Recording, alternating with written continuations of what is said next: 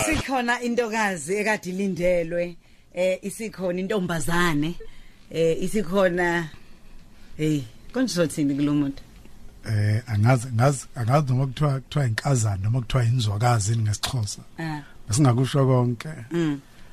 Dokotela ulelo nkosi. Molo molo ntombi. Sanibonani. hey. #from miss to doctor. Not to Impela. not to mrs Aw. hey hey wakhula umuntu hey wakhula umuntu Niyangijulukisa. Sanibonani sanibonani. Ngiyabingelela abalaleli amakhaya. Sengifikile. Unompumelelo patience. Nkosi but newly diagnosed doctor lelo nkosi udla ngamandla siwela. Yey. phazima nkonyanya yenkosi sengizile ke ngizondiza nani? Angithi sandiza la ekhaya. Yeah kaze ngajabula ukuba lana. Siyajabula kakhulu nathi eh bona uthi live la batshela ukuthi ba- bazokubona phi lapho. Okay on social media ngu @lelo nkosi. Empeleni yonke nje indawo Instagram uFacebook @lelo nkosi. Linqamulela Sificana lapho. unompumelelo. eh yeah ukuthi na ku Twitter ukhona ukhona ku Twitter? Na Twitter? Ngiyazama impela ukuba khona ku Twitter kodwa nakhona mazi ukuthi lelo wona nje dlalo vela yabo ngi- ngithanda umoya akuwona nomuzwa kuwona ku2019 eh ngiyamkhumbula eminyakeni ethile ekhona. Wayesho ngifun- ngifundela ukuba udokotela. Kodwa umbona ukuthi lento uyabona ukuthi hey isakude. Futhi kunzima kufuneka kuyinikele yeah hey namhlanje uya- u- umzwile indlela sibingelele ngayo? Yey yey izwile umuzwa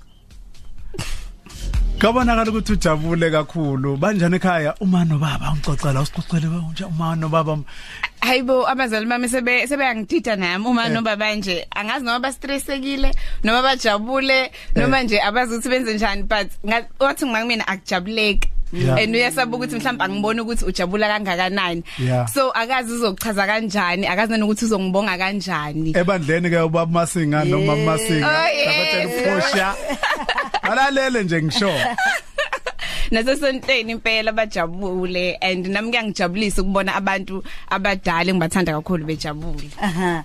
Uthi usuze wayi- wa- wa- wawuthatha lo mnyezane. Hayibo Oh, angikhola sizimraza angikhola namanje umuntu nje methi dokotela ngathi nami ngaqalaza ukuthi babiza ba. babiza bani hayibo yey hayi cha kulungile. Sihleli naye ke la ulelo eh, udokotela ulelo nkosi. Sizoxoxa naye nje la ke sazi kahle imvelaphi yakhe. Nawe khona la mhlawumbe usadlula khona ubona izinto engathi ayihlangani kodwa sibonile ukuthi ngempela eh inja iyawaqeda amanzi ngolimi. Dokotela lelo nkosi asiphinde sikumikelele sikwamukele futhi kwindiza nathi. Ngiyanibingelela nami futhi ngibingelele nabalaleli emakhaya.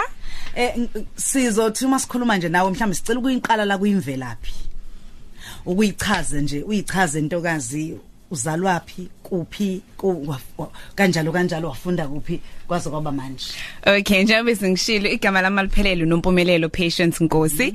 Ngokuzalwa ngazalelwe eMandeni and then Uzalwa umabani?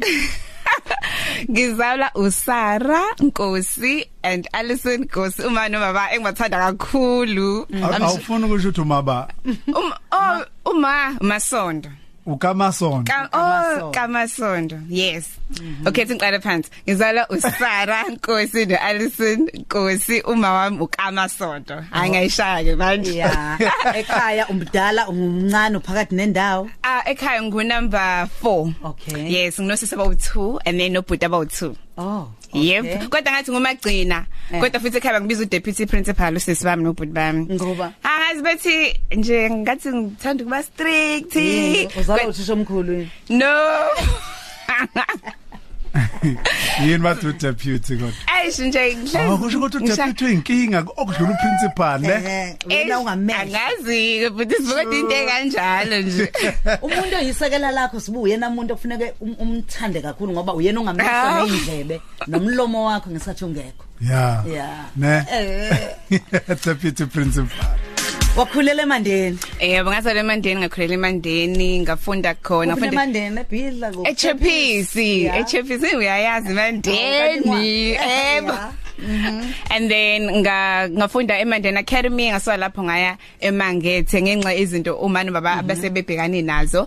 And then sashintsha isikole ngase ngeStenga secondary ngase ngaqeda eStenga high. Ngase ngazula ke ngeza la eThekwini ngizozama ukufeza amanye amaphupho. Ya. Eh okay. Amaphupho phakho a- ahlanganisa nokumodela yini? Hayibo number 1 loyo sisimroza hayibo ngikuthanda ukumodela guys yo. Umasrobe uyabona ukuthi ufuna ukusroba usitshelile ukuthi ufundephi primary wazositshela nge high school. Eh. nje ukuthi ke nge- nge- ngokwezemfundo wawusiyafika wayeza kuphi wenzani? Aha. Bese sibuya siza kuleni yomodel ya Mm, yazi ngiyaxolisa ngokundroba yazi. Yeah. Ave ngikhuluma inkinga yami ngisaba ukuthi ngeke ngimi. Anyways, ngaqeda Stinger High, ngase ngeza e-UKZN. Yeah. Um School of Medicine la eThekwini. Ngafunda ngimya- ngiyafundela ukuba udokotela. Yeah. Iminyaka e6. Kodwa ke yaphinde yanezeleleka. So besides ukufundela imedicine ukwenzela ukufunda imedicine nga ngathanda kakhulu entertainment. So amanye amaphupha ngokuyikho ukufeza izinto zami zokumodela ukudansa ukuzama back TV ukwenza community projects. Konke nje lokho ngangifuna ukuhlanganisa kube yinto eyodwa. So sonke yonke leminyaka lengila eThekwini bengizama nje ukwenza lokho yebo. Ngophela be- bes- besike sikubone uhambela indawo ehlukahlukene nako uginga indlovu ufikile. Eh ukhuluma namantombazana amancane usafunda futhi watshathi ngila kodwa futhi nami ngiyafunda ngelanga ngiyongibona ngothi uma ngibuya ngibuye sengudokotela ngithemba ukuthi bathokoza kakhulu. Eh wajabula impela kokho Aha. hey madoda. Okay. Manje he sheng. Yazi vele ungazi uzokhuluma angithi uthi angithi ut- uthe uthe wathi fika kwasho ukuthi uthanda no entertainment ngiyamkhumbula nje ngimbona eh bujwela ukumbona eh, into zotira kodwa lo dokotela bakithi sixoxele ngale ngaleyo ngxenye leyo yakho yokuba yokuzimbandakanya nezikaqedwe isizungu njengoba kadusho uthando lwakho kakhulukazi lokumodela nokungenela ukuba wozime. Ubususitshela eh, nokuthi yiziphi ke indawo ke wayimela njengozime ngiyakhumbula nje mina ngikuthongi ngiqala ukukhuluma nawe ukuthi wawu Miss UKZN njalo njalo Eh. U- u- usithathe nje usithi Okay. Yo ngihlezi ngithi hayi ngiyasola ngathi ngekhathi nje uma ngizalwa impela ngaphuma nje ngimodela ngoba ang- akukho la engingayiboni khona engingayi identify nga as umuntu omodelayo. So nje ngakhula ngithanda impela ukumodela nokudansela ngisemncane. And then kodwa ke uphupho lami kwakhona ngisase high school kwangifisa ukudansela abaculi nje ngangifuna nje ukudansela abaculi. So at the age of uf uyayizwa leyo nto kodwa wembros Ethanda- ukuthi phambene kanjani? Umuntu ofundela ukuba udokotela. Yeah. Umuntu ofuna ukuba uzime. Uyabazi kahle ozime nama clocks Yebo. ne order yakhona. Bese kuzoba umdanso odansela abaculi. Uchomi cabanga uchomi so ngangifisa nje ukudansa abazali bami ke babe ngisupport kuyo yonke into. Mangithi manje baba ngifuna ukuba umfundisi shuthi babezoza ngifuna ukuba umdansi benze. Ngifuna ukumodel ngifuna ukwenza babethi nje udinga ini bengisupport kukho konke. Benze sure kodwa ukuthi ngihamba endleleni right so ukudansa by the age of 14 15 bangiletha mama bafona ephepheni nama auditions for bonga idube and then ngathathwa lapho basafanele umuntu ona 18 kodwa kwathi uma hayi asambeni bazobona khona. Nangempela kwaba njalo ngadansa ngajive bangithatha. And then from there sengihamba nobonga idube touring naye. Kwayilapho ngaba exposed to bonke labanye abaculi bala eThekwini. And nje ngangihlezi ngithi mhm ngifuna ukudansa nalo ngifuna ukudansa nalo. And ngangifisa kakhulu ukusebenzisana neaftertainment. And then so ngayeka ukudansa nobonga idube ngaqhubeka. So ngangifunda mhlawumbe u6 7 kanje. Aha. but ngilokho ngidansa ngidansa sihamba nayo ibonga idube so sengiqedile isikole babe ngibona njengomancane ngithi ngoba Aha. manje ngimncane kodwa ngihambe zonke lezi ndawo futhi. Yeah. so sengibuyile sengingala eThekwini. Sabe ngibona sebethi hayibo usumngaka uwe futhi uyibone lo lapha kusilenda? Uyibone lapha kusilenda uma ubuka kusilenda? Kusilenda oh yes from a dad. Hayibo Yeah. hayibo Uyibone wena. ngiyanyoba joyina nami. So nje yaqala kanjalo and then babe ngikhumbula from there ngaqhubeka ngadansa ngase ngakwazi ukusebenzisana nabantu abanjengosindo Aha. um bone DJ Tiro DJ Siyanda baningi nje especially abala Yeah. eThekwini. So ilokho ukudansa kwami. Aha. Ah, ngiyanga ngidume nje ngoma jive ayi angazi wathi nje qhwishi kwabuya ukumodela Ehhe. and then ngamodela so ngamodela isikole ngamodela vele ngisengisemncane Mm. and but futhi abazali bami babethanda ukwenza ama event ubaba wayebenza o Miss Orlando Pirates yonke ehhe. lento le so nje wehleze angazi velokho ngibhusha ngibhusha kodwa ke I fell in love with yoni modeling so ngabe nama titles amaningi from eMonday no Miss Love Live Mhm. ema high school both the high school nase primary yami so sengifile nala ngaqhubeka nakho and lana eThekwini ngawina uMiss UKZN um in eh, esikoleni Aha. ngawina uMiss Signature ngamodela nga- edume kakhulu kube yiyo le engisayi engisayidudula. Ah. uMiss eThekwini municipality Aha. so nje angikaze ngabona ang- angikwazi kwavuma kimi ukuthi ngiyeke okunye ukuze kuzokwenzeka okunye. Ngangihlezi nje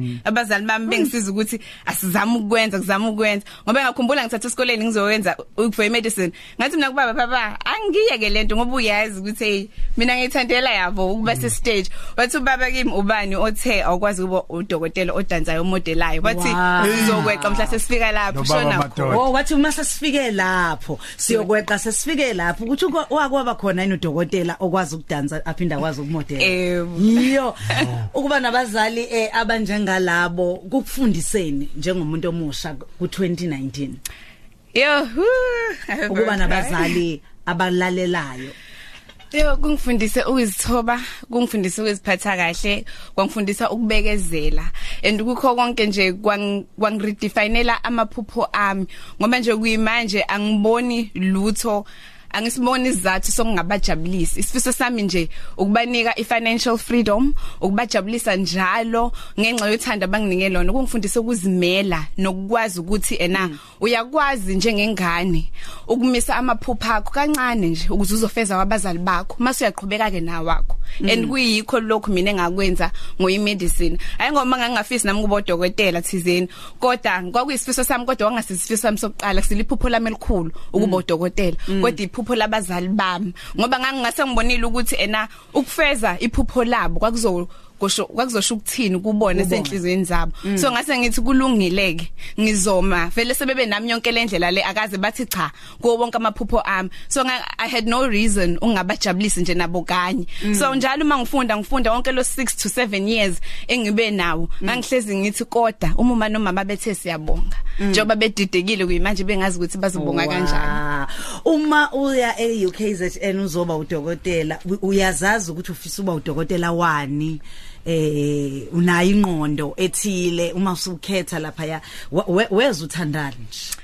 Oh kodwa okay thina umuyo basically nje uyafunda uqeqeshela ukuthi Yeah. uzoba a general doctor. Do- doctor, mase okay. kuphele lokho ke mase Then uyakhetha usuya- ukuthi usuya- yebo usuyakhetha. kodwa mase uyakhetha ukuthi hayi ufuna kuba mm, i gynecologist uzodila nengane kuphela uzoyenza i surgery kuphela. Uthandani we sisiloza ngisadidekile xoxela ake awunimdinga udokotela la cause ngoba ngidinga udokotela nje. Yeah. ongang ongangilaphela ukuhlanya kamro Udokotela ngidinga. imlo isumtholile okay mangabe sibuya ma- ma- masibuya si- ngi- ngiyafisa ukuthi usinikeze lesisikhathi sakho othe udokotela ufunda uhamba nezifundo zakho kwafika isikhathi sokuthi ungenele eh, umncintiswano kaMiss eThekwini Eh.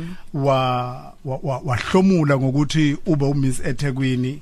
Kwenzakalani? Ukwaze kanjani ngoba eh ngicabanga ukuthi isikhathi lapho kokudinga khona ukuthi ube full time ehovisini njengoMiss eThekwini Eh. kwenza kanjani? Waqhubeka nezifundo zakhe ingabe zama usixoxela usithathe uzosibeka ingabe wa breaker uzosithathe uzosubuyela uzofika lapho namhlanje usuthweswa leziqu zobudokotela. Ngilangazelele kakhulu le lesesikhathi lapho uthola khona eh lomqhelo wokuba umise eThekwini wenza njani? Uyama uyaqhubeka nokufunda. Ingabe kumeni kwakho uthini ekhaya? Okay, kahle sengenza unyaka wami wes4. Indaba yaqala lapho.